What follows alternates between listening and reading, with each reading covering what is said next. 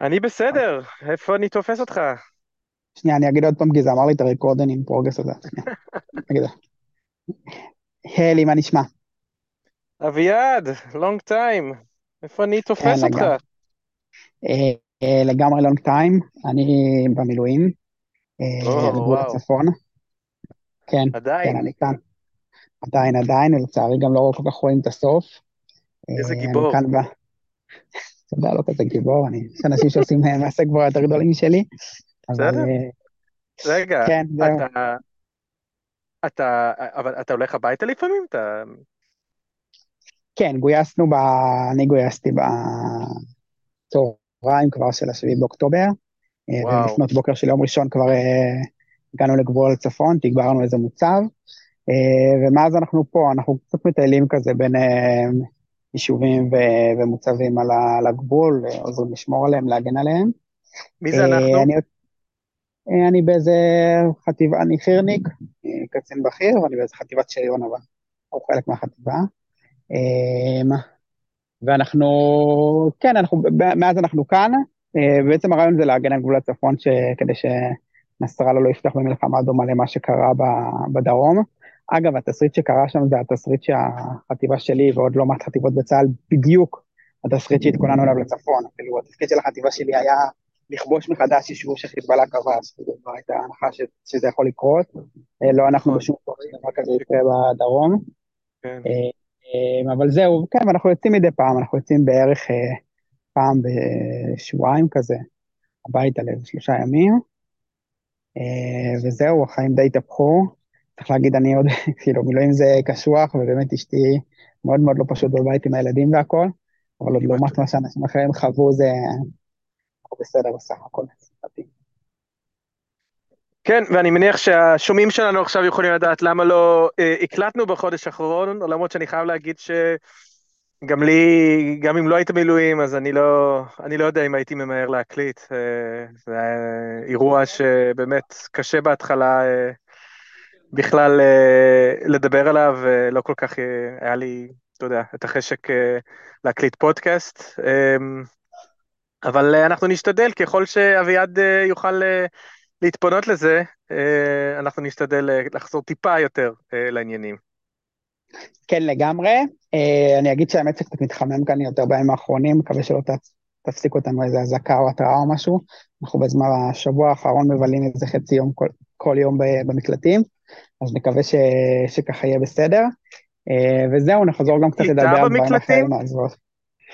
שאלה טובה, האמת, האמת שזה קטע, היינו ב... השאלה הכי חשובה. נכון, היינו באיזה חלק מה, בהתחלה, אחרי שהיינו איזה שבוע במוצב, ירדנו, ירדנו לאיזה תקופת זמן קצת אחורה, והיינו, מאוד קשוח, זה היינו בשטח, בתקופה לא קצרה, ושם היה קליטה רק של חברה אחת, אז החלפתי אפילו לקליטה הזו, לחברה הזאת, אבל אז עברנו מקום, דווקא לחברה הזאת. אין קליטה במקלטים. מזל, מזל שהיה את הרפורמה של כחלון, ואתה יכול עכשיו כן, לקפץ בין חברות כמו... לגמרי. אגב, זה באמת. דבר מטורף הדבר הזה, איך אתה יכול לעבור בקלות בין חברות אה, זה. אבל בכל מקרה זהו, אז הקליטה זה, כן, הדבר שכולנו רודפים אחריו כל היום. אז במקלטים כאן דווקא יש אפילו כאלה משדרים כאלה, אבל זה רק של חברה מסוימת, אז אה, שהיא לא אה, החברה שלי. אוקיי, אז לי אין. קליטה. כן. ושלג?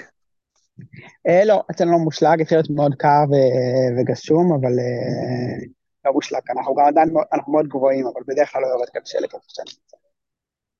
כן.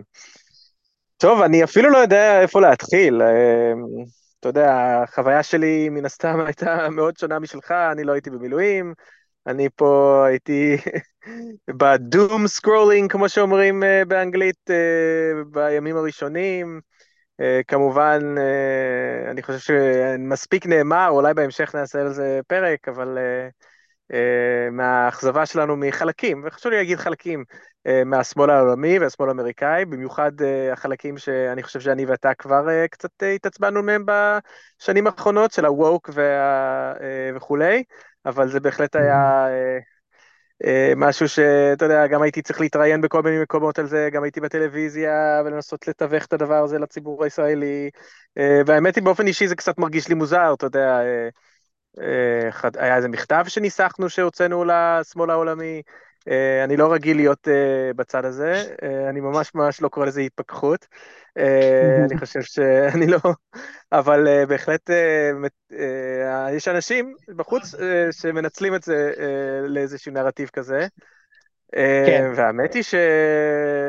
אתה יודע, אני אקח את השיחה הזאת, ל- אנחנו עוד תכף נדבר על כלכלת מלחמה וניכנס קצת יותר לענייני כשל שוק הרגילים, אבל אה, אני לא כל כך יודע בכלל איפה להתחיל אחרי החודש הזה.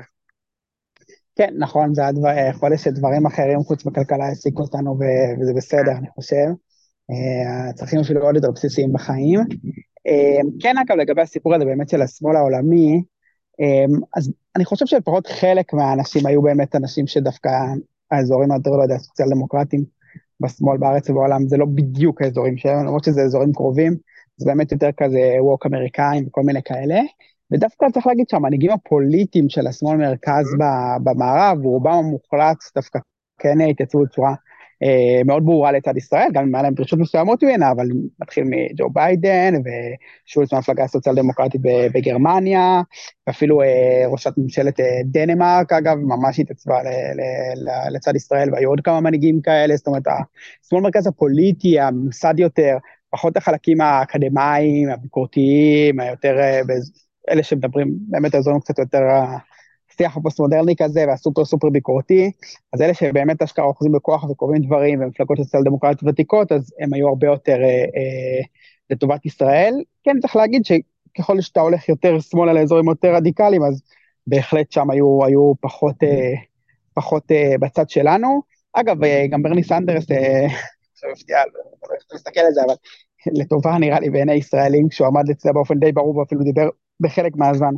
נגד הפסקת אש, הבנתי גם שהוא חטף על זה לא מעט בתוך האגף כן, הפרוגרסיבי. בדיוק באתי להגיד, אני, אני לא יודע איך, אני יודע שמהצד הישראלי עכשיו הכל נראה כאילו קצת אה, שונה, אבל אה, ברני חטף כאילו בקטע מטורף, כאילו האנשים אה, כתבו, אה, הוא איבד את זה, אה, איזה עצוב שזה היה פעם המנהיג שלנו, כלומר, אה, אתה ממש רואה את ה... אבל אני חושב שזה מסמל באמת איזשהו אה, רגע מאוד מחשוב, כי אני חושב שברני, ברור שהוא יהודי וברור שזה מתחבר גם ליהדות האישית שלו, אבל אני חושב שזה יותר מזה, זה מתחבר לסוג השמאל שברני סנדרס תמיד היה, אה, לעומת הסוג אה, השמאל שאנחנו רואים עכשיו אה, בחלקים אה, מארצות הברית, וברני חטף, כלומר, כשהוא אה, בעצם דיבר נגד הפסקת אש ודיבר נגד... אה, אה, ה- דיבר על הפוגות, אבל בהחלט, אה, אה, אני חושב, אה, ביקר לפעמים וכולי, ומותר לבקר, גם אני מבקר וכולי, אבל אני בהחלט חושב, אני מסכים איתך גם, שהרבה פעמים השמאל המרכז וזה, וכן, זה סיפור מורכב. ככל שהזמן עובר ואנחנו מתרחקים גם מהאירועים הנוראים האלה של 7 לאוקטובר, אני חושב שאנשים צריכים להבין שגם האירוע השתנה. כלומר, מישהו שביקר את ישראל ב-8 לאוקטובר, זה לא אותו דבר כמו מישהו שמבקר את ישראל ב-8 לנובמבר או ב-8 לדצמבר, ואני גם הזדעזעתי, באמת, ממש הזדעזעתי מחלק מהדברים שראיתי אז בימים הראשונים, ובאמת, אה, אה, כמו שכתבנו במכתב המשותף הזה שהוצאנו, שזה באמת היה איזשהו אה, אה, חשיפה של איזשהו ערכ- ערכים, כאילו באמת אה, בעייתי מאוד. אה, אבל אני חושב שיש עכשיו אנשים שמנצלים את זה בצורה מאוד צינית. אבל uh, בסופו של דבר, המסקנה שאני הגעתי אליה, uh, זה, דיברתי על זה בכמה פורומים, זה שיש המון דמיון כרגע בין השמאל הרדיקלי, הווק האמריקאי, לבין הימין הקיצוני הישראלי. כלומר, רק תחליף את הדגל בעצם, והמסרים הם כמעט אותם מסרים. Uh, חוסר יכולת בכלל לראות את הצד השני, From the river to the sea, כמובן, שזה פשוט כאילו, אתה יודע, מדיניות גם של הימין הקיצוני בישראל, וגם כמובן מה שהם צועקים בכל uh, הפגנה אה, של פרי פלסטיין, ו, ובאמת, אני חושב שזה עושה אה, עוול לשמאל, וזה פשוט לא הערכים שלנו, ואני גם באופן כללי, כאילו, אנשים שכאילו, יודע, אומרים שהם לא רוצים להיות ציוניים, כי אתה יודע, לא חושבים שיהדות ולאומיות הולך ביחד, האמת, אני מקבל את זה, אני חושב שזו עמדה לגיטימית, אני לא מסכים איתה, אבל היא עמדה לגיטימית. אבל איך אז אנשים רצים, ל, אתה יודע, לחבק את הדגל הפלסטיני, שהוא גם סמל כן, של לאומיות. כאילו, כאילו, אין בעיה, אתם רוצים להיות פוסט נשיונל, סבבה, אבל, אבל זה, אז אל תנופפו בדגל פלסטין, כאילו, זה לא, ותמיד היה לי, אמרתי, ו... קיצור, זה מורכב, זה עצוב, זה מבאס, אמ, אבל אני גם כמובן מנסה תמיד למצוא את הבוטימי במצב הזה, ואני חייב להגיד שבעיניי דברים קורים אה, גם פה, ודברים קורים גם בארצות הברית אה, וגם בעולם, שאני מקווה שהאסון הנורא הזה בסופו של דבר כן יוכל להוביל אותנו למקום טוב יותר. אה, אבל אין ספק שזה יכול גם להוביל אותנו למקום חשוך יותר, ואנחנו ממש נמצאים עכשיו ברגעים אחראים, ואני מודה שהיו לי ימים קשים. אה, היה לי יום אחד שיש לנו שומר אה, ערבי, מג'די, בחור מדהים, שהיה שומר בבית ספר של הבת שלי, והוא הכיר כל ילד בכל שם, הוא היה פשוט בן אדם מקסים, וכולנו אהבנו אותו.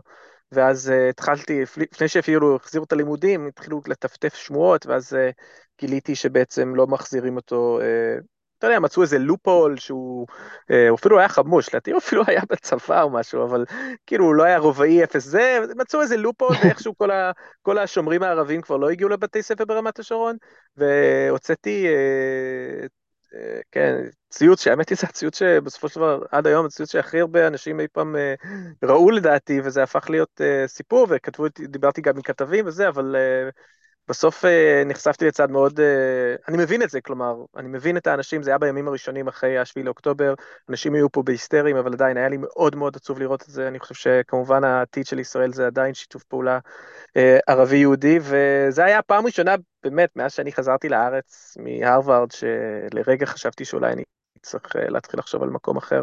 עכשיו קצת התעשתי ואני לא מרגיש ככה, אבל... אה, זה בעיניי גם אחד הדברים, אתה לא רואה את זה שם במילואים כמובן, אבל אה, אה, סך הכל, אבל אני כן חייב להגיד שאחד הדברים שאני יוצא אופטימי מזה, זה שאני מרגיש שלא היה משהו שדומה אפילו לשובר חומות, ובכלל אני מרגיש שערבי ישראל והרבה יהודים ישראלים מצאו הרבה מקומות לחיבור בחודש האחרון, וזה יכל כל כך להוביל לאיזשהי מצב דיסטופי של באמת פירוק של המדינה, אה, מבפנים, וזה פשוט לא קרה, וזה לדעתי כוח שנוכל לקחת איתו הלאה להמשך, שאם אנחנו יכולים, אם החיבור הזה יכול לשרוד את ה... באמת, האירוע הנורא מכל, אז אני חושב שאנחנו יכולים לשרוד הרבה דברים. אני מסכים, אפילו קרה באמת תהליך הפוך, אה, אתה יודע, ראיתי אה, סקר של המכון, המכון הישראלי לדמוקרטיה, שהראה שאחוז ההזדהות של הערבים בישראל עם מדינת ישראל הוא הכי גבוה מאז שהם התחילו למדוד את זה, 70 אחוז. וכאילו דווקא אני חושב שגם הרבה ערבים בישראל א', הרגישו שהם לא רוצים להשתייך לחמאס ולאנשים שעושים דברים כאלה, וגם נפגעו בעצמם, נחטפו בעצמם, ונוצר דווקא איזה ברית דמים כזאת פתאום של בתוך ישראל בין יהודים לערבים, שזה דבר חשוב. אגב, אני רוצה לשאול, רציתי לשאול אותך משהו, אם חוזרים שם לסיפור האמריקאי, של השמאל האמריקאי, בעצם כן.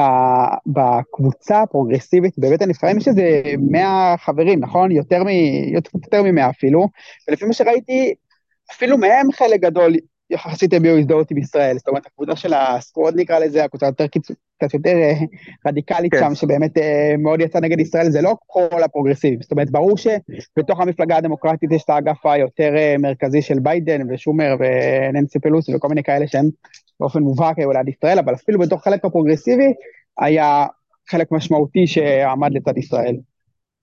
אני חושב שזה נכון, בטח בימים הראשונים, וצריך להגיד בכלל, יש פה ספקטרום רחב של דברים, אנשים לא זוכרים את זה הרבה הרבה, אבל הרבה היום, ואפשר להבין למה אחרי אה, הקריאות שלהם להפסקות אש, אבל אה, אילן עומר, AOC, גם הם יצאו בימים הראשונים, ב, אתה יודע, גינויים מאוד חריפים נגד החמאס, אה, אבל אין ספק שבדברים אחרים הם לא בדיוק סיפקו את הסחורה, ו, וכן, ככל שאתה עובר קצת יותר לשמאל הפרוגרסיבי, אבל לא הסקווד, אז אין ספק ש... אה, אתה יודע, המטאפורה, מה הקלישה, אה, שעון החול אוזל וכל הדברים האלה, אין ספק כן. שאנחנו גם כבר מתחילים להיות קריאות בשמאל מרכז, ושוב, לדעתי זה כבר לגיטימי, אנחנו כבר לא בשמיני לאוקטובר, אנחנו בשמיני לנובמבר, ודברים uh, השתנו, והתמונות שיוצאות מעזה הן באמת תמונות קשות, וגם אם אני בעצמי לחלוטין חושב שצריך אה, להפיל את החמאס. אני חושב שיש אה, דיון מעניין גם בארצות הברית היום, איך בדיוק עושים את זה, ואם אנחנו עושים את זה כרגע בדרך הטובה ביותר, וכמובן השיקולים הזרים של נתניהו פה, וכמה הוא רוצה להאריך את המלחמה, וכל הדברים האלה נכנסים, ואני חושב שבהחלט אתה מתחיל לראות יותר בימים ובשבועות האחרונים אה, דיון קצת אחר אצל הפרוגרסיביים, אבל אני מסכים איתך, בסופו של דבר, אני לא הרגשתי באמת, החבר'ה באמת, הרדיקלים, הווק, הם עושים הרבה רעש, עכשיו לא צריך לזלזל בתופעה הזאת, היא אמיתית, מה שקורה באוניברסיטות היא אמיתי, הבעיות שם אמיתיות, בין אם זה, אתה יודע, חוסר יכולת שלהם אה, בכלל, כאילו, אתה יודע, אני, אני, כשאני מנסה להסביר את זה לאנשים פה, אני אומר שזה קצת כמו קבוצות כדורגל, שיש את קבוצת פלסטיין וקבוצת ישראל, ו, ואין פה ממש כאילו איזושהי התעסקות כאילו בישראל ופלסטין עצמם, אלא איזשהו סימבולים לדברים אחרים, בעיקר כל מיני uh, virtue signaling, ואני אומר לאנשים תמיד שזה לא מקרי שכל החבר'ה שהם הכי בעד פלסטין הם עם מסכות קורונה, וזה לא רק בהפגנות, תדעו לכם, הם, הם מסתובבים פשוט כל הזמן עם מסכות, כי זה חלק מלדעתי, הדפיקות שלהם, שהם כאילו שלוש שנים אחרי הקורונה, הם מרגישים שהם חייבים ללכת עם מסכה, להראות שהם הכי, הם עדיין הכי טובים והכי דואגים, וכולנו חארות קטנות שאנחנו לא uh, שומרים על הזקנים וכולי, אבל uh, זה פשוט, באמת הסיפור הזה הוא כל כך יותר גדול מהסכסוך, פשוט הלבישו את זה הסכסוך, uh, בין אם זה הנטייה שלהם לראות הכל שחור לבן תרתי משמע, כלומר to racialize the conflict, uh, ולקחת את uh, כל מיני בעיות שיש בין שחורים ללבנים בארצות הברית ולהלביש את זה עלינו, שזה כמובן גם מגוחך, uh, שחצי מישראל לפחות לא הייתי, לא הייתי מגדיר אותה לבנה בשום צורה. Uh, וגם, ו- וגם, וגם החצי האחר אגב לא הגדירו אותם לבנים אף פעם, כן, באירופה לא בדיוק הגדירו אותם לבנים. בדיוק, באתי להגיד, ו- ובדיוק, והחצי השני הרבה מהם פליטים ניצולי שואה, בדיוק. אז, אז יש גם את ה, כמובן העניין הזה, יש גם את הביקורת האנטי-אימפריאליסטית הבעייתית, או לדעתי החד-גונית שלהם, שתמיד כאילו הכובש נגד הנכבש, ובכלל כל הנרטיבים של הסטלר קולוניזם, שאולי צריך להשקיע לזה פרק פעם. אה, אה, אני עשיתי טוויט לפני כמה זמן שהראיתי פשוט כמה שהמושג הזה, סטלר קולוניזם, התפוצץ בעשור האחרון, ואני זוכר שאני הגעתי להרווארד ב-2008, זה פשוט לא היה מושג כאילו מארגן כאילו ששמעת בסמינרים או בכיתות, אתה יודע, האנשים אז היו יותר, uh, השמאל, נקרא לו, היותר נוטה מרקסיסטי קלאסי של מעמדות וניתוחים כלכליים וכולי, ו, ואני מרגיש את זה גם, כאילו, אתה יודע, אני אביא לך דוגמה אישית משלי, אם, אם פעם אני הייתי כזה נלחם בהיסטוריה האמריקאית לדבר על העיקרים העניים, הלבנים והשחורים, אה, אבל גם הלבנים ש, שנלחמו, אה, אתה יודע, נגד כוחות ההון ונגד אה, כל מיני אה, כוחות אה, אחרים, אז עכשיו הם רק נחשבים, אתה יודע, רוצחים של אינדיאנים וכולי, וזהו, אי אפשר לדבר על שום דבר אחר חוץ מזה, למרות שהרבה מהם, אתה יודע, הגיעו גם הרבה אחרי, אבל זה הם settler colonialists ובזה זה נגמר, אז זה תופעות שהכרתי, ראיתי את זה, ו... וזה מבאס, זה מבאס, אבל גם כאן אני חושב ש... אני מקווה, אם אני אנסה לקחת את הספין האופטימי, אני חושב שכן אני יכול להגיד לך בתור מישהו שמדבר עכשיו עם הרבה אנשים בארצות הברית, יש שם גם איזשהו שבר, כלומר, אני חושב שכן יש אנשים שמרגישים, uh, כי הכוח של הווק הזה עד עכשיו היה שאסור לבקר אותם. אתה, אתה בטח מכיר את זה, נכון? שאסור כן, לבקר, זה, זה לא פוליטיקלי קורקט, וזה בעצם הרבה פעמים זה קשור לנושאים של שחורים, ואז אי אפשר לעשות את זה, ואני חושב שזה הכוח שלהם, אה, זה השילד שלהם, ו... והסיפור הזה גרם לבהחלט אה, מצב שכן מבקרים אותם, מבקרים אותם מאוד, אה, אפילו רודפים אותם בחלק מהמקומות, ו, אה, ואני כן חושב שאולי זה יכול להיות הזדמנות בעתיד לשמאל היותר כלכלי, מעמדי, סוציאל דמוקרטי, האגף היותר ברני, להרים ראש ולנסות אה, להשתלט חזרה על בכלל מה זה הדבר הזה שנקרא שמאל ובאיזה מאבקים הם נכונים ואיך צריך לראות את העולם ולא אה, לצבוע הכל בצבעים של שחור ללבן. ו... כן. כן, אגב, כי אני חושב שיש כאן הרבה גם אישוז עם כוח. כאילו איזה כן. מין התנגדות עקרונית בכלל למושג הזה של כוח, נכון. שהיא באמת הרבה פעמים מגיעה מהאזורים היותר אקדמיים, ולכן גם אגב היא, היא כאילו מפחדת מ... מ כשפוליטיקאי סוציאליסט, סוציאל דמוקרט, או קרוב לאזורים האלה אוחז בכוח, הוא תמיד יבקרו אותו במאה קמ"ש, כי זה אף פעם לא כאילו טהור, וזה כמו שאנחנו רצינו שזה יהיה, ו... ותמיד זה, זה יותר, לפעמים מהצד השני זה יותר מדי אגרסיבי, וכאילו... איזה מין אה, משהו כזה מאוד, מאוד לא פוליטי במהות שלו, כאילו סופר סופר ביקורתי שהוא באמת לא פוליטי, וכל פעם שמישהו מפעיל כוח אז הוא תמיד הרע, בהגדרה, כי הוא הפעיל את הכוח הזה. בקיצור, יש כאן הרבה דברים מעניינים. אגב, מהצד השני צריך להגיד כאן שני דברים שמדאיגים אותי. א', שממשלת ישראל ובכלל ממשלות ישראל, ב, לא יודע, עשור שניים האחרונים, נתנו באמת הרבה תחמושת למי שטוען נגד ישראל, ולצערי הרב, הן ממשיכות לעשות את זה, ממשיכה לעשות את זה בכל יום, ועוד פעם, הרבה מהטענות באמת מוצדקות, וכאילו... בסוף אה, זה גם, גם אם אני הייתי, אני אומר אפילו בתור ישראלי זה סופר מפריע לי, אבל בטח אם הייתי מחו"ל ואני רואה אנשים כמו מפלגת השלטון אומרים אמירות פשוט מחרידות, אז כאילו ברור שהם מאוד מאוד מבקרים את ישראל ורואים בה מישהו שעושה פשעים נוראים, אפשר להבין את זה, זה, זה אני, אני הייתי עושה אותו דבר אם הייתי מסתכל אה, מבחוץ, ואפילו מבפנים יש לי המון ביקורת על זה, והדבר השני הוא שזה באמת מאוד מדאיג, זה ההזדהות המאוד גבוהה בימין העולמי אה, עם ישראל, שמצד אחד יש בזה היבטים חיוביים, ואני שמח שעומדים לצידנו, מצד שני, אני, אני חושב שזה מאוד נגד האינטרס שלנו שהזיהוי האוטומטי יהיה של ימין עם ישראל, ויכול להיות לזה השפעות חמורות גם בישראל פנימה וגם באופן כללי על העולם, וזה סך הכל התפתחות רעה. כן, וצריך להגיד שזה אחת הסיבות למה הם כל כך תומכים בפלסטינאים, כלומר, אני מסביר לאנשים שנכון, אה, אנשים משתגעים פה כי אה, כל ה-queers for Palestine וכל ההומופובים האלה אה, בחמאס וכל השונאי, ואתה יודע, והם לא מבינים איך יכול להיות שהומוסקסואלים בארצות הברית תומכים בפלסטינאים ולא בישראלים, או בחמאס במקרה הזה, אבל מה שמפספסים לחלוטין זה שכמו תמיד, האמריקאים לא מסתכלים על זה מנקודת מבט של מזרח תיכון, הם מסתכלים על זה מנקודת מבט אמריקאית. זה שהם מסתכלים מי הם ההומופובים הגדולים אה, של החברה האמריקאית, אז זה האיוונגליסטים, זה הימין, הקיצ... זה הימין הפרוטסטנטי הקיצוני, זה החבר'ה האלה, והם הרי האנשים שהכי מחבקים את הדגל הישראלי, הכי מנופפים בדגל הזה, הכי מדברים על ישראל וכולי, ולכן זה לא מפתיע אותי שיש משהו שנקרא Queers for Palestine, למרות שברור שזה מופרך לחלוטין מנקודת מבט ישראלית. ו- ומה שאתה מדבר עליו, שבעצם הכישלון הענק של ביבי, שבעצם התחיל כמובן עם אותו... Uh, נאום בקונגרס אה, נגד אה, הסכם הגרעין האיראני, שאגב, אפשר גם לדבר על למה בכלל החמאס עשו את הדבר הנורא הזה, ויש הרבה סיבות והרבה אשמים, אבל לדעתי אפשר גם לדבר על, כאילו, אתה יודע, ההידרדרות ביחסים בין איראן לארה"ב וכולי, ולמרות שכנראה שהאיראנים לא ידעו על הדבר הזה, אבל אפשר גם לדבר על הנושא הזה, הוא מרתק בפני עצמו, אבל, אבל אין ספק שזה מאוד מאוד פגע שכאשר האירוע הזה קורה, ובאמת אירוע שאנחנו אה, אה, בצד אה, המוצדק בעיניי, זה פשוט, זה לא משנה כבר, כי רוב הצעירים בארצות הברית, ואני חושב גם בעולם, פשוט ימין שווה ישראל, שמאל שווה...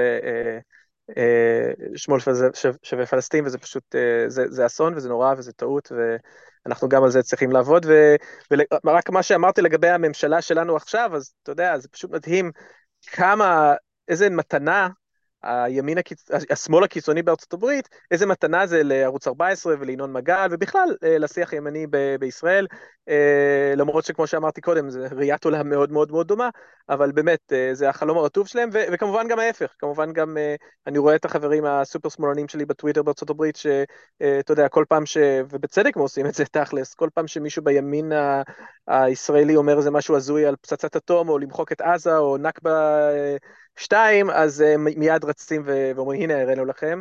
וזה פשוט מרגיש לי כמו שני תנועות שאתה יודע, they were born for each other, והם uh, מכילים אחד את השני, וכל אחד uh, באמת אוהב את הצד השני ומחזק אותו, למרות שהם לכאורה אויבים, וזה פשוט אסון בשבילנו. כן, כן, זה באמת מעגל שלא פשוט להתיר אותו, וכאילו כל ה... לשם הדברים הולכים, ובאמת עוד פעם, ההשפעה היא קודם כל שמעניינת אותי עלינו, אבל גם היא עולמית באמת, זה כאילו, זה נראה שהסיפור הזה שקורה בישראל וההזדהות האוטומטית של הימין עם ישראל והשמאל עם הפלסטינים גם גורמים ויגרמו גם לעלייה של אה, ימין יותר קיצוני, גם בארצות הברית אגב, כי ביידן מאוד, משני הכיוונים, ביידן נפגע מאגף שמאל שלו, ויש אנשים שהולכים אה, אה, ימין למפלגה הרפובליקאית בגלל זה, וגם באירופה, בקיצור סיפור מאוד מאוד מורכב העניין הזה. אה, נקווה לטוב. כן, אני רק אגיד שבדיוק היום בבוקר הייתי בליברמן, בקלמן ליברמן, ודיברתי קצת על הסקר החדש, ואני חושב שיש נטייה, בישראל אני מבין את זה, אה, לשים את עצמנו במרכז העולם. הנרטיב נהיה כזה, ביידן הולך להפסיד בבחירות בגלל ישראל. ואני בהחלט חושב שביידן יכול להפסיד בבחירות, אבל אני לא חושב שזה הולך להיות בסופו של דבר. הסקר שהיום הכי מדובר, ראיתי שאחוזי התמיכה של ביידן ירדו מ-41% ל-40. אה, והנתון הזה שכולם מדברים עליו, אחוז המאוד גבוה של אמריקאים שלא מרוצים עם הדרך שבו הוא ניהל את המלחמה עד עכשיו, צריך להבין את זה פשוט שכל טראמפיסט שתשאל אותו האם ביידן מנהל איקס כמו שצריך, הוא תמיד יגיד לא. אז, אה, אז בסופו של דבר ביידן בצרות אה, ועלול בהחלט להפסיד, אבל אני לא יודע אם זה בגלל הסכסוך, המלחמה, אבל בהחלט במובן הזה הסיפור הפוליטי פה הוא סיפור שאנחנו נצטרך לעקוב אחריו ולנסות ליצור איזשהו נרטיב חדש שבאמת אה, לא מאפשר אה, אה, לכל ישראל לחשוב שאתה יודע, כל השמאל העולמי שונא אותם וכל השמאל האמריקאי שונא אותם ו... וכולי. כי אני באמת גם לא כן. חושב שזה נכון. אכן, אכן. תקופה לא פשוטה, מעניינת, ונקווה שזה באמת ילך לכיוונים טובים. מה יש להגיד? כן. זהו, נדבר קצת על כלכלת מלחמה. יאללה, כלכלת מלחמה. טוב, אז אה, נעשה את זה כמו שתמיד, אני אתחיל באמריקה קצת ואז נעבור אליך, אני אעשה את זה בקצרה, אבל uh, אני חושב שבסך הכל, uh, אני אגיד באמת ברמה הכי כללית, שני דברים. אחד, ה New Deal האמריקאי, ודיברנו עליו פה, אז אני חושב שהקדשתי פרק שלם ל New Deal וכולי, הוא כמובן האירוע המכונן, אפשר להגיד, מבחינת העלייה של השמאל האמריקאי במאה ה-20, והמעט מדינת רווחה שיש פה, אבל בסופו של דבר, כשאתה באמת מסתכל על ההיסטוריה של ארה"ב ומה שאפשר 30-40 שנה של שגשוג, של צמיחה שוויונית בארצות הברית, משנות ה-40 עד שנות ה-80 בעצם, עד העידן הניאו-ליברלי, אז uh, אין ספק שהניו דיל יצר את הבסיס, התשתית, חיזק איגודי עובדים, uh, יצר תקדימים מאוד חשובים בכל מה שקשור לרגולציות ומיסוי, uh, ההבנה בכלל שהמדינה צריכה לדאוג לאזרחים שלה וכולי, השקעה ציבורית, כל הדברים היפים שדיברנו עליהם, אבל באמת, באמת, באמת, התיאוריות הקיינזיאניות, או אפילו אולי יותר קיצוניות מרק תיאוריות קיינזיאניות, באמת הוכיחו את עצמם בזמן המלחמה. כלומר, אם תסתכלו על המלחמה בארצות הברית, אז תסתכלו על הגרפים של פיקטי באי שוויון, אז אי שוויון באמת מתרסק בארצות הברית בשנים של המלחמה. ומה שבאמת מוציא את ארצות הברית מהשפל הכלכלי הגדול, זה המלחמה. ומה שבאמת מקים את התשתית של מעמד הבינוני, זה המלחמה. ואז כשאתה מסתכל על המלחמה, ובעצם, אוקיי, מה קרה בחלון הזה של 4-5 שנים בזמן המלחמה, או וכולי, אתה פשוט אומר שארצות הברית פשוט הפכה להיות מדינה סוציאליסטית, כלומר אין לי מילה אחרת לזה. אה, בין אם זה אה, העלאת מיסים באמת מאוד מאוד גבוהה, כולל אה, המיסים, אני יודע שאתה אוהב, אביעד, של, על רווחים עודפים, זינוק בזה, זינוק כמובן בכל מה שקשור להתערבות של המדינה, השקעה ציבורית מטורפת, כלומר התיאוריות של קיין שבעצם אמרו שאי אפשר לסמוך על הסקטור הפרטי להשקיע, כי הוא תמיד לא ישקיע מספיק, יש יותר מדי סיכונים בסקטור הפרטי, ובעצם הרצון שלו לרווח אה, קושר את הידיים שלו וגורם לו לא להשקיע מספיק לכלכלה, אז הוכחה מדהימה לזה, זה השקעה פשוט מטורפת בזמן המלחמה. אה, אבל גם אה, פיקוח מחירים, כלומר דברים באמת אה, שנחשבים יותר קיצוניים, הפכו להיות כלים שאפשרו מצד אחד השקעה ציבורית מטורפת, אבל מצד שני לעשות את זה בלי אינפלציה שיכולה בעצם לשחוק את כל ההישגים האלה ולפגוע בלגיטימציה של המדיניות הזאת, וגם כמובן הדפסות כסף חסרות תקדים. אה, המקביל לזה, מה שארצות הברית בעצם עשתה אה, במלחמת העולם השנייה, זה שבאו לבנק המרכזי ואמרו להם, אתם אה, עכשיו עובדים בשבילנו, ובעצם בנק המרכזי התחיל להדפיס הרבה מאוד כסף, והכסף הזה בערך רבע מכל המלחמה מומנה על ידי הדפסות כסף של הבנק המרכזי, שהלך ישירות לקנייה של איגרות חוב אמריקאיות מהממשלה. אה, דברים שבישראל, ככל שאני יודע, הם לא חוקיים היום מאז חוק הדפסת, אי הדפסת הכסף. אה, כלומר, באמת הסתכלות שונה לחלוטין על כל מה שאנחנו חושבים עליו, בין אם זה העצמאות של בנק אה, המרכזי, בין אם זה הדרך שבו צריך לנהל את הכסף, וגם כמובן שאלות של איך מתמודדים עם אינפלציה ועושים את זה בפיקוח מחירים וכולי. וזה פשוט היה הצלחה מסחררת, באמת, קשה לי... להסביר כמה הדבר הזה הלך טוב, עד כדי כך שמי שזוכר את הפרק שלי על איזבלה וייבר, ודיברנו על ההיסטוריה של פיקוח מחירים, אז uh, הכלכלנים האמריקאים שרצו להוריד את הפיקוח מחירים אחרי המלחמה, אז הרבה מאוד כלכלנים, ולא רק כלכלנים uh, שמאלנים, ממש לא אמרו, לא, לא, חכו, זה, זה, זה עובד טוב וכולי, והרבה מהירידה באי שוויון היה בעצם בגלל היכולת של ארה"ב להשקיע באמת כמות מטורפת בכלכלה, אה, באמת בייצור ובבסיס הייצור של ארה"ב, אבל מצד שני, אה, לדאוג שהעליות שכר אה, נשמרו ולא נשחקו על ידי האינפלציה. וזהו, אני חושב שיש המון, המון מה אנחנו יכולים ללמוד כרגע ממלחמת העולם השנייה בארצות הברית, ואני חושב שאין כל כך כרגע אנשים, לא במשרד האוצר, לא בבנק ישראל כנראה, וגם לא בממשלה, שהולכים להפנים את זה, ואנחנו בינתיים שומעים רק אה, אה, סיפורים על התשלומים הקואליציוניים ולא דברים אחרים, אבל בהחלט אה, אנשים שמנסים להסתכל באמת בביג פיקצ'ר על הרבה רעיונות שדיברנו עליהם פה, אז אני חושב שמלחמת העולם השנייה בארצות הברית היא, היא שיעור בזה, ו- ולא רק, גם ראיינו אותי בגלובס לפני כמה ימים על תוכנית מרשל, שזה בעצם, אפשר להגיד, סוג של קיינזיאניזם עולמי, שמזכיר בהרבה מובנים את המדיניות של מלחמה, רק לאחר מכן, ואני חושב שזה גם דברים שצריך לדבר עליהם בהקשר של אה, אה, עזה, ואני חושב שאם אנחנו אי פעם רוצים שיהיה מדינה פלסטינאית שלא הופכת להיות בהם אנשים כמו החמאס מפלצות שונאי אדם, אז חייבים לתת לאנשים אופק כלכלי וצריך לתת להם חלום וצריך לתת להם הזדמנות לתעסוקה וכולי, וגם זה לקחים שאנחנו נצטרך להפיק. כמובן, זה לא אומר, כמו שאני חושב שביבי עשה, להשתמש בכניסה ויציאה של עובדים בעזה כאיזשהו דרך לנהל, לנהל את השיחוך, אני מדבר פה על משהו הרבה יותר שונה, ממש לשנות לחלוטין את החברה, אבל בקיצור, מלחמת העולם השנייה זה בהחלט נושא מאוד רלוונטי, לא רק ההשוואות לנאצים רלוונטיים היום, גם זה, אבל אני לא בטוח אם יש מישהו שמקשיב. כן, צריך להגיד שני דברים בהקשר הזה. א', שחלק בעצם מהאפקט של מלחמה על אי שוויון גם נובע מזה שפשוט עשירים מפסידים הרבה מאוד כסף. שנכסים שלהם נהרסים, ופשוט... לא בארצות הברית, אבל כן. לא בארצות הברית? אה, כן, אוקיי, אבל... לא, בארצות הברית הנכסים לא נהרסו. הבנתי, נכון. אבל באירופה כן, פיקטים הרי במלחמות... אה, לגמרי. זה כן עשה שם השפעה משמעותית מהפסדים של השירים, כן, אתה צודק, בארצות המלחמה לא הייתה בבית. אגב, גם מלחמת אה, העולם הראשונה מחקה את כל האצולה הבריטית, ככה פיקטי מלמד אותנו בגלל האינפלציה, כלומר, אינפלציה יכולה להיות גם דרך, אה, כי הם כולם ישבו שם על איגרות חוב לא צמודות, אבל אבל כן, תמשיך, סליחה שקטעתי אותך. כן, לא, בסדר גמור, זה, זה, גם, זה גם אפקט uh, מסוים שלה.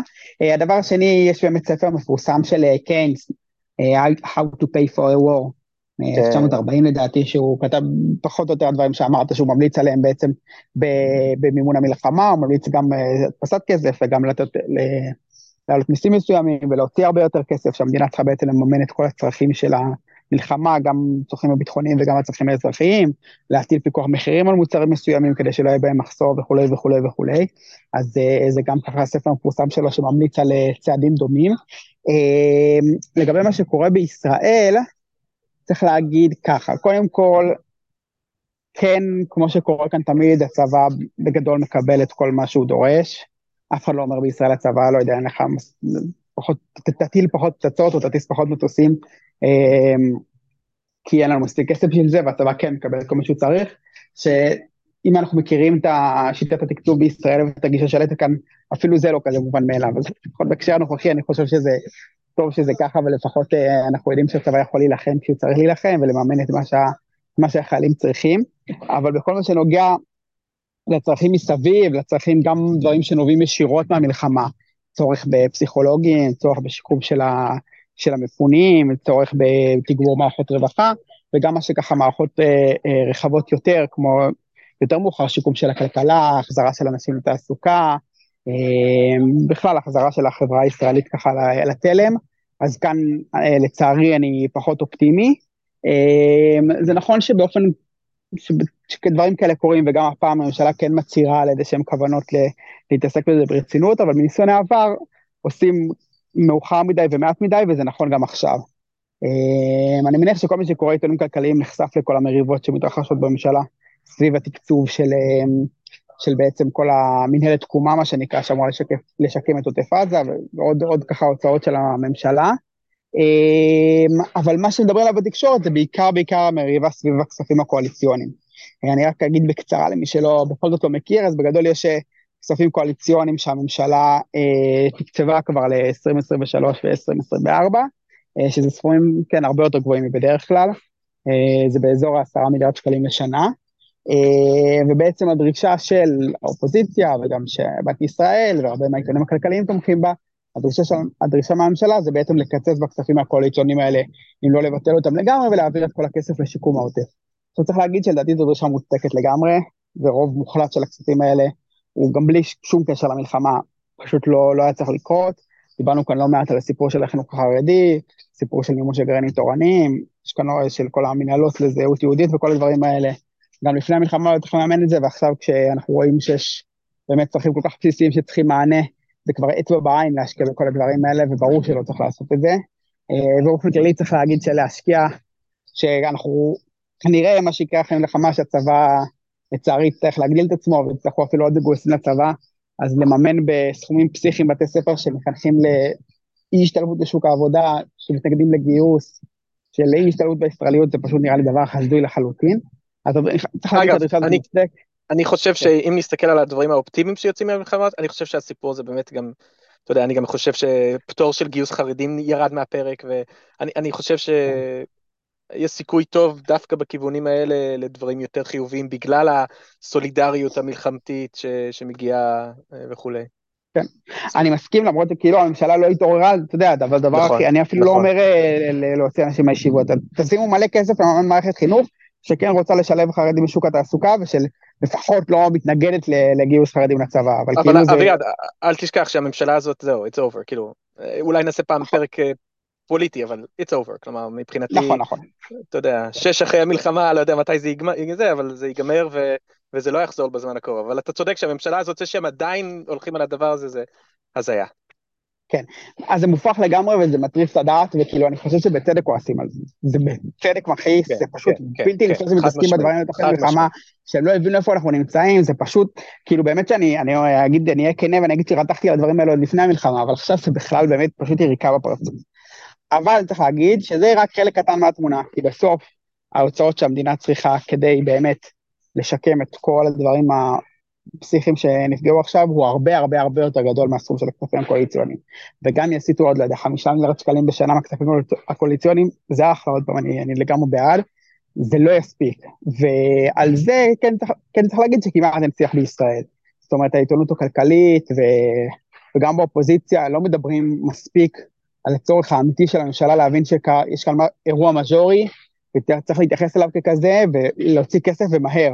לא להתחיל עכשיו להתעכב בדיוק בדיוק מאיזה סעיף אני מוציא את זה ומאיזה סעיף אני מוציא את זה, והאם מכאן ומכאן, ולריב כל אחד עם זה תחת המשרד שלו, אלא יש כאן, יש כאן מאות אלפי ישראלים שפונו מהבתים שלהם, לא יכול להיות שרק עכשיו מקבלים מענה לבתי ספר שלהם ולפסיכולוגים, יש כאן, הכמות של נפגעי ההלם שיש כאן, של אנשים שצרכו טיפול פסיכולוגי כל החיים שלהם, היא פשוט מטורפת, ממערכת בריאות הנפש עשתה כבר לפני המלחמה, עכשיו היא בכלל לא, לא תתחיל אפילו לעמוד בצרכים ש, ש, צרכים שיהיו לה, ואגב, זה חלק מהדברים האלה, לצערי זה דברים שאי אפשר לעשות מעכשיו לעכשיו, להכשיר עוד כמות גדולה של פסיכולוגים או של מטפלים נפשיים מכל מיני סוגים, זה דבר שיכול לקחת אה, שנים, אז כאילו אם רוצים לעשות את זה צריך אתמול להתחיל בדברים האלה.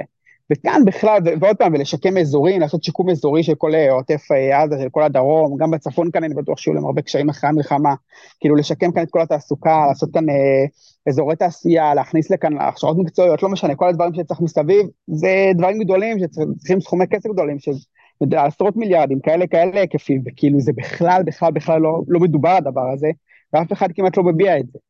אה, וזה משהו שהוא מאוד, אה, מאוד מדאיג ומראה כאילו שלא, באמת יש חוסר הבנה בכלל אה, איפה אנחנו נמצאים, שרבים עדיין על סעיפי סעיפים ועל דברים מאוד מאוד קטנים לאן זה ילך. וצריך להגיד שהפעם זה באמת מדאיג, אני חושב שאם יש איזו הרגשה, אני חושב שמיד שקרה האסון הזה בשביעי באוקטובר, האפקט הבסיסי, שהוא גם מה שהטרוריסטים ניסו להשיג, להשיג, וצריך להגיד בכאב שהם השיגו את זה, זה ערעור של הביטחון הכי בסיסי שיש לנו.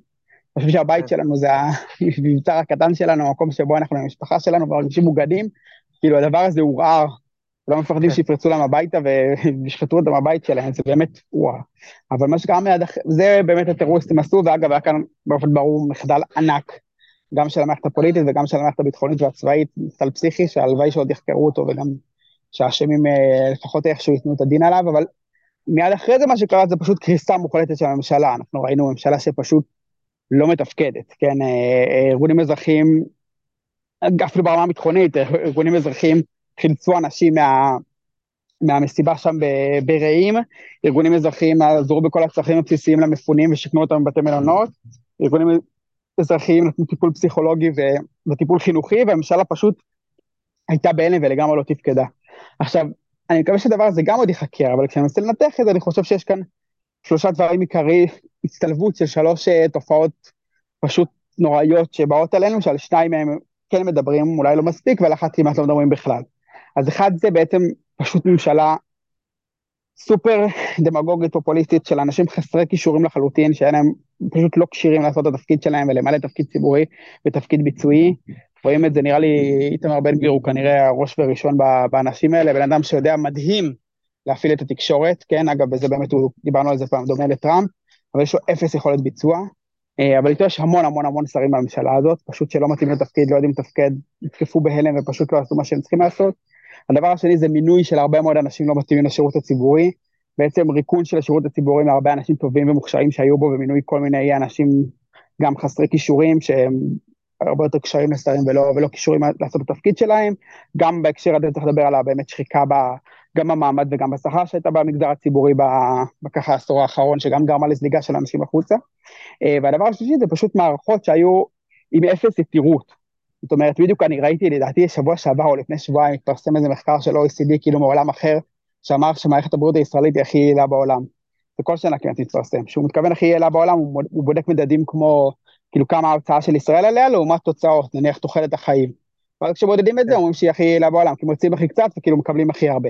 כמובן שלא בודקים בדרך אה, איך נראים החיים של הרופאים והאחיות שעובדים בה, ואיך נראה הזקן המסדרון שנזנח, וכאילו דברים שקצת קשה לראות אותם לפעמים בנתונים, אבל גם שוכרים בדברים האלה, שזה מערכות עם אפס יתירות, זאת אומרת, הן מגיעות לקצה, הן עובדות תמיד על הקצה. זה בעצם, זה ממש אני, כל מי שעבד ב, בשירות הציבורי בישראל מכיר זה, ממש שיטה של האוצר, תמיד להביא את המערכות לקצה, כאילו, לסחוט מהם את הקצה של הקצה של הקצה שלהם, שתמיד יהיו כאילו רגע לפני, ולפעמים גם אחרי קריסה, ולתת להם לעבוד ככה, וכשזה המצב, וכשמגיע אסון כל כך דרמטי, אין להם פשוט שום יכולת לעבוד. זאת אומרת, אין אנשים שיעשו את הדברים האלה, אין מי שבכלל יש לו פנאי ו- ויכולת לשבת ולחשוב ולתכנן את הדברים האלה, אין אנשים שאתה יכול לשלוח אותם ושיפסיקו המשימות הרגילות שלהם, פשוט, פשוט חוסר מוחלט ביכולת תפקוד. וגם כאן, ביום שאחרי שבודקים את זה, אז מעבר לזה שהלוואי שאזרחי ישראל יבחרו אנשים יותר נורמליים בהנהגה שלהם, ושאנשים יותר נורמליים האלה יבחרו יותר אנשים לשירות הציבורי וישקמו אותו, גם צריך לדבר שאיך הופכים מערכות שיש בהן יתירות, זאת אומרת, מערכות שיודעות, שמתפקדות בימי שגרה במצב נורמלי, במצב שבו יש אפילו רווחה ועובד סוציאלי מטפל, עובד סוציאלית מטפלת ב-30 תיקים ו-20 תיקים ויש לה זמן לנשום ולשתות קפה. ואז כשמגיע אסון אז באמת מותחים את האנשים עד הקצה והיא יכולה גם לטפל בעוד עוד, כמה עשרות תיקים. אז בסדר שבזמן אסון יש באמת כולם ככה עוברים, עובדים מעבר לרגיל, אבל כשכולם עובדים מעבר לרגיל גם בזמן רגיל, בזמן, בזמן חירום פשוט שום דבר לא יתפקד. כן, לא, אה, שמעת את הסיפור היום עם סמוטריץ' שכאילו באו אליו באוצר ואמרו לו, תקשיב, למה אתה נלחם על הכספים הקואליציוניים האלה? במילא הכסף הזה לא קיים, לא התכוונו באמת להעביר אותו, ואז יש איזה דף שרואים כאילו את הסכומים, ואז ליד זה הם כתבו את הסכומים שהם באמת מתכוונים להעביר. אז עכשיו, אז, אז במקרה הזה, אה, אני כנראה מרוצה שהאוצר לא מעביר את הכסף, אנחנו יודעים שאבל שהם מתנהלים ככה בכל דבר. ומבחינתי, Uh, אני מניח שלא יתעסקו בזה, אבל באמת המחדל של 7 לאוקטובר הוא גם מחדל של הניאו-ליברליזם, הוא המחדל של ה-technological solutionism, האמונה הזאת שאפשר להחליף uh, בני אדם בכל מיני מערכות uh, גדר uh, מורכבות, uh, העובדה שאתה פשוט לא אפשר uh, צבא קטן uh, ורזה ו- וכולי, ולא צריך uh, באמת uh, uh, לשלם לאנשים כמו שצריך, ואפשר פשוט uh, uh, לקצר את השירות הצבאי, ו- ועוד כל כך הרבה דברים, ואתה מסכים, מה שאתה אמרת על ה... על בריאות הנפש, אה, אתה יודע, זה, עכשיו זה כבר מאוחר מדי, אנשים מתאבדים היום בגלל האוצר והקמצנות שלהם עם בריאות הנפש, האנשים האלה לא יחזרו, ונכון, הם לא מופיעים על הפוסטרים האלה של החטופים, ואנחנו כנראה אפילו לא יודעים את השמות של האנשים האלה, כי גם זה משהו שלא מדברים עליו כל כך בישראל, אבל uh, מבחינתי, ואני אומר, אני יודע, מילים קשות, אבל אדם על הידיים של משרדי האוצר למשך ה-20 שנים האחרונות, שפשוט הפקירו גם את האנשים האלה, וזה גם חיילים שחוזרים עכשיו מהקרב ולא יקבלו את הטיול טיפול הראוי שלהם. אמ, וזה באמת מזעזע, ואני רק יכול לקוות שבכל זאת, אמ, כן, אני מנסה להיות אופטימי שאחרי אה, שהמלחמה תסתיים ואנשים יסתכלו אחורה, הם כן יבינו אה, שמדובר פה באמת פירוק של המדינה, פירוק של אה, מוסדות המדינה, ושהפתרון היחידי, גם הביטחוני, אבל גם החברתי והכלכלי, אה, הוא רק אה, אה, השקעות ציבוריות ושינויים בסדר עדיפויות שלנו, ו, וכן, מותר לדבר על העלאת מיסים על העשירים, ולא רק צריך לדבר רק על הכספים הקואליציוניים לדתיים, כלומר, למרות שגם זה מרתיח כמובן. ובאמת, אתה יודע, אני משתדל, באמת, מה שקורה היום עם הממשלה הזאת היא מזעזעת, אבל אני... לא יודע, אני, אני חושב שאני כבר מנסה לחשוב, להתמקד ביום שאחרי, ולא יודע, יאיר גולן כנראה הולך להיות אחד מהמנהיגים אה, של השמאל החדש הזה, וזה אנשים שאנחנו צריכים אה, להגיע אליהם וללחוש לאוזניים שלהם, ואני חושב שזה אה, יהיה אחד התפקידים החשובים שלנו, למסגר לאנשים את האסון הזה גם בהקשרים הכלכליים וחברתיים, ולא רק, שאתה יודע, ניהול הסכסוך והכישלון עם החמאס וכל הדברים האלה, שאגב, אפשר גם אותם לקשור בכל מיני דרכים לכל מיני תיאוריות ניהול ליברליות, אני לא אעשה את זה עכשיו. אה, אתה יודע, אביעד, אני תמיד יכול להאשים את הניאו-ליבריזם והכל, רק תנו לי כמה... אבל, אה, אה, אבל באמת, הסיפור, באמת, הכישלון, ההתפרקות המוחלטת של המדינה, גם באותו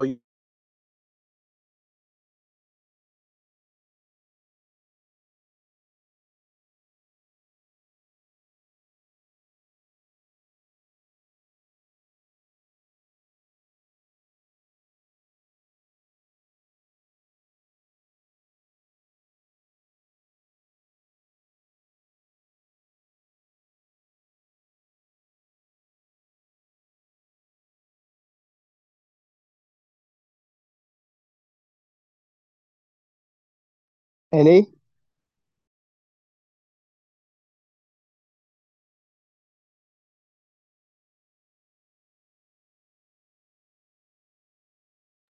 ציבורי וקיצצנו וחתכנו והכל, ואני חושב שזה לא מקרי שלפיד אה, אמר את הדברים האלה, אני חושב שהוא פוליטיקאי מספיק משופשט. אלי, אלי, שנייה, אה, נעלמת לי לכמה זמן. אה, אמרת, מהמשפט שאמרת, אה, גם התפקוד של הצבא באותו יום. כזה, כן? אני אפילו לא יודע אם אני יכול לערוך את זה, אבל נמשיך, מקסימום אה, אתם לא. תשמעו גם את הפדיחות שלנו, אבל אה, אז אני רק אגיד שמה שאמרתי, אם לא שמעתם, זה שגם אה, אמסטרדמסקי מתפכח ומדבר שוב על החקלאות, שבעצם הוא עשה טעות שהוא חשב שאפשר לייצא הכל, ויאיר לפיד מכה על חטא על זה שהוא גם מבין שפירקו פה את המדינה והיו צריכים להשקיע יותר בסקטור הציבורי, אז אני באמת מקווה ומאמין שלפחות מהאסון הנורא הזה, אנחנו נוכל לצאת לדרך חדשה, למדינה חדשה, לבנות מחדש אה, אה, את המדינה הזאת ואת החברה שלנו. אה, וזהו, ואני לא רוצה בכלל לדבר, לא הזכרנו את החטופים, אבל גם שם, אתה יודע, כבר אין לי, אני הולך המון לכיכר החטופים, אני נמצא שם הרבה, ואני פשוט, גם עם זה, קשה לי, קשה לי מאוד עם הממשלה הזאת, הדרך שבו היא מנהלת את האימאים האלה, ואתה רואה שם את הדברים שדיברתי עליהם, על החדלי אישים, ששמים אותם לנהל את הדברים האלה. אה, ואני מודה שאם ממש בימים קרובים לא יהיה הסכם, אני חושב שהמשבר של הסולידריות בחברה הישראלית אה, תהיה מאוד מאוד עמוקה. כי אם אנשים חושבים בסופו של דבר אה, שהמדינה תפקיר אותם פעמיים, אז זה עלול ממש להיות אסון, ואני לא אתפלא אם זה יוביל לירידה של הרבה אנשים מהארץ פשוט מחוסר אמונה. אז אני מאוד מאוד מקווה שבקרוב גם יביאו את החטופים הביתה.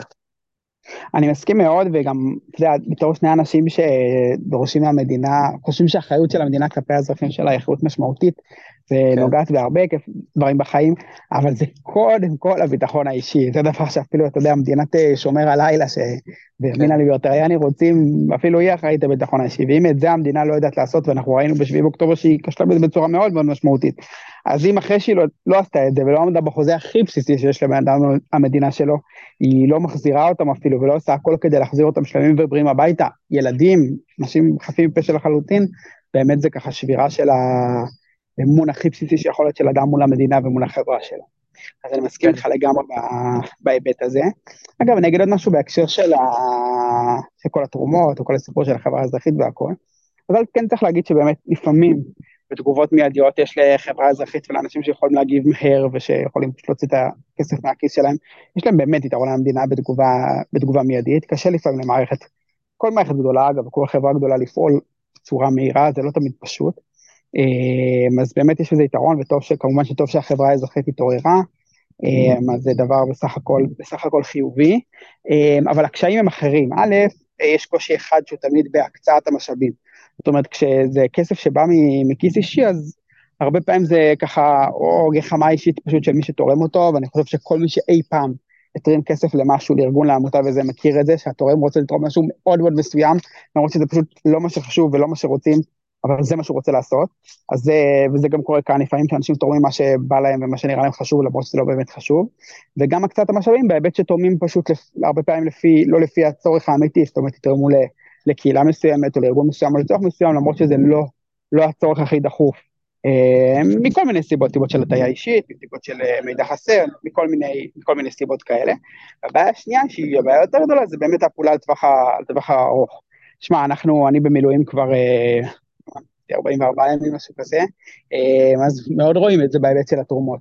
בהתחלה נפלו לנו תרומות בקצב פסיכי, באמת, כל הזמן תרומות של אוכל, של דברים וזה, וכאילו כל שעובר הזמן זה יש פחות ופחות ופחות, וזה מובן והגיוני, כן, זה בסדר, אנשים חוזרים לחיים שלהם והם יוצאים את הכסף שלהם, כן. אבל בסוף מי שאחראי סתם על ההאכלה שלנו, זה הצבא, זה לא, אין איזה מישהו פרטי שיכול להחזיק 300 אלף מילואימניקים לאורך חודשים, זה פשוט לא יכול לעבוד, ואותו דבר אגב לגבי טיפול פסיכולוגי וחינוך והכל.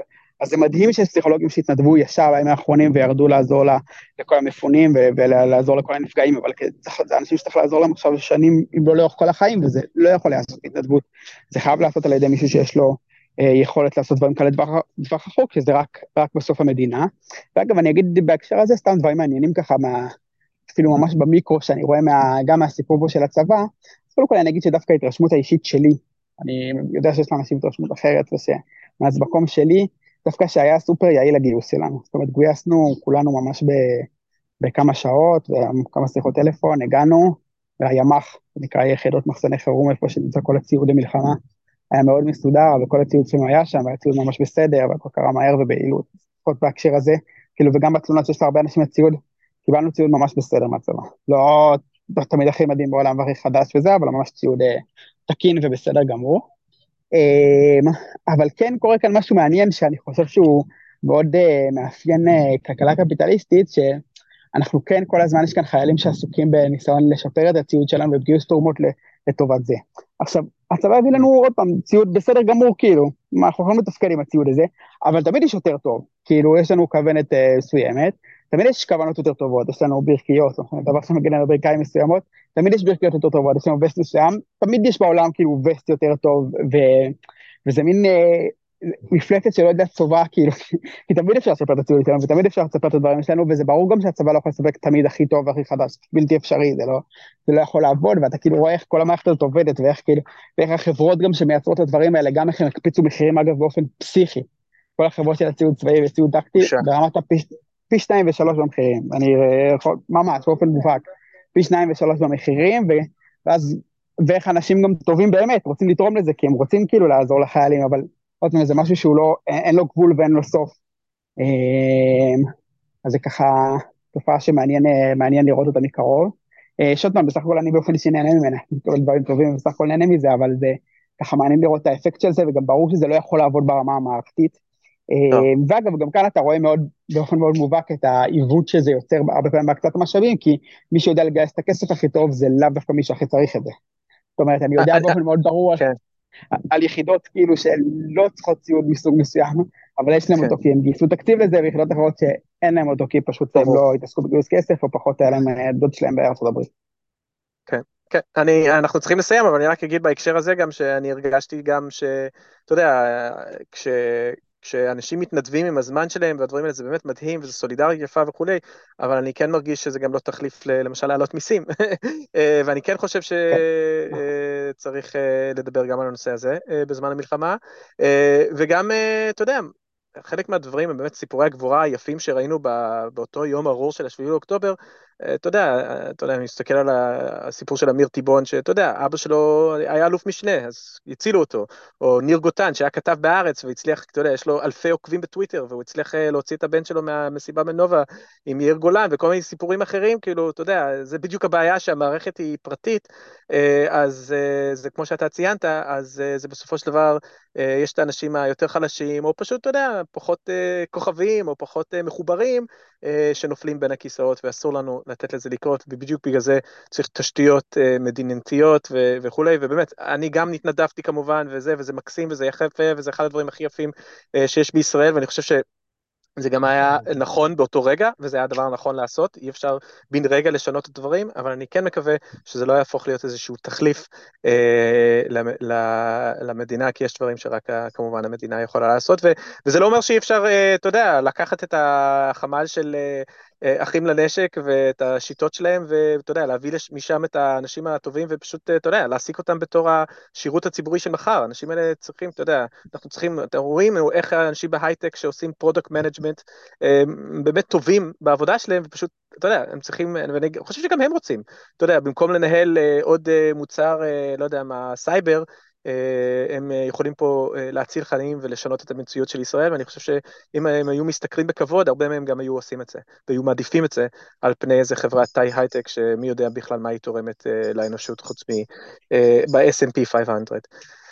אני טוב. מסכים, אני רק אגיד משפט אחרון בקשר למה כן. שאמרת, כן. שהרבה פעם, לדעתי זה היה באחד הסבבים מול עזה, כתבתי על זה שיש נטייה הרבה פעמים לאנשי שמאל, להתנגד להגדלה של תקציב הביטחון, אפשר להבין את זה, הם לא אוהבים מיליטריזם, mm, הם רוצים כן. שכסף ילך למשרדים אזרחיים, אני, אני יכול להבין את זה, אבל אני חושב, ולפעמים גם זה נכון, בסדר, באופן ספציפי גם הדרישה הזאת יכולה להיות נכונה, אבל אני חושב שבאופן עקרוני, תפיסה שמאלית אמיתית, או דמוקרטית אמיתית, אמורה להבין שבאמת ביטחון זה הדבר הכי משמעותי והכי בסיסי שמדינה יכולה להביא לאזרחים שלה, ושגם בו בעבר, ולצערי זה גם קורה היום, היה אי שוויון משמעותי.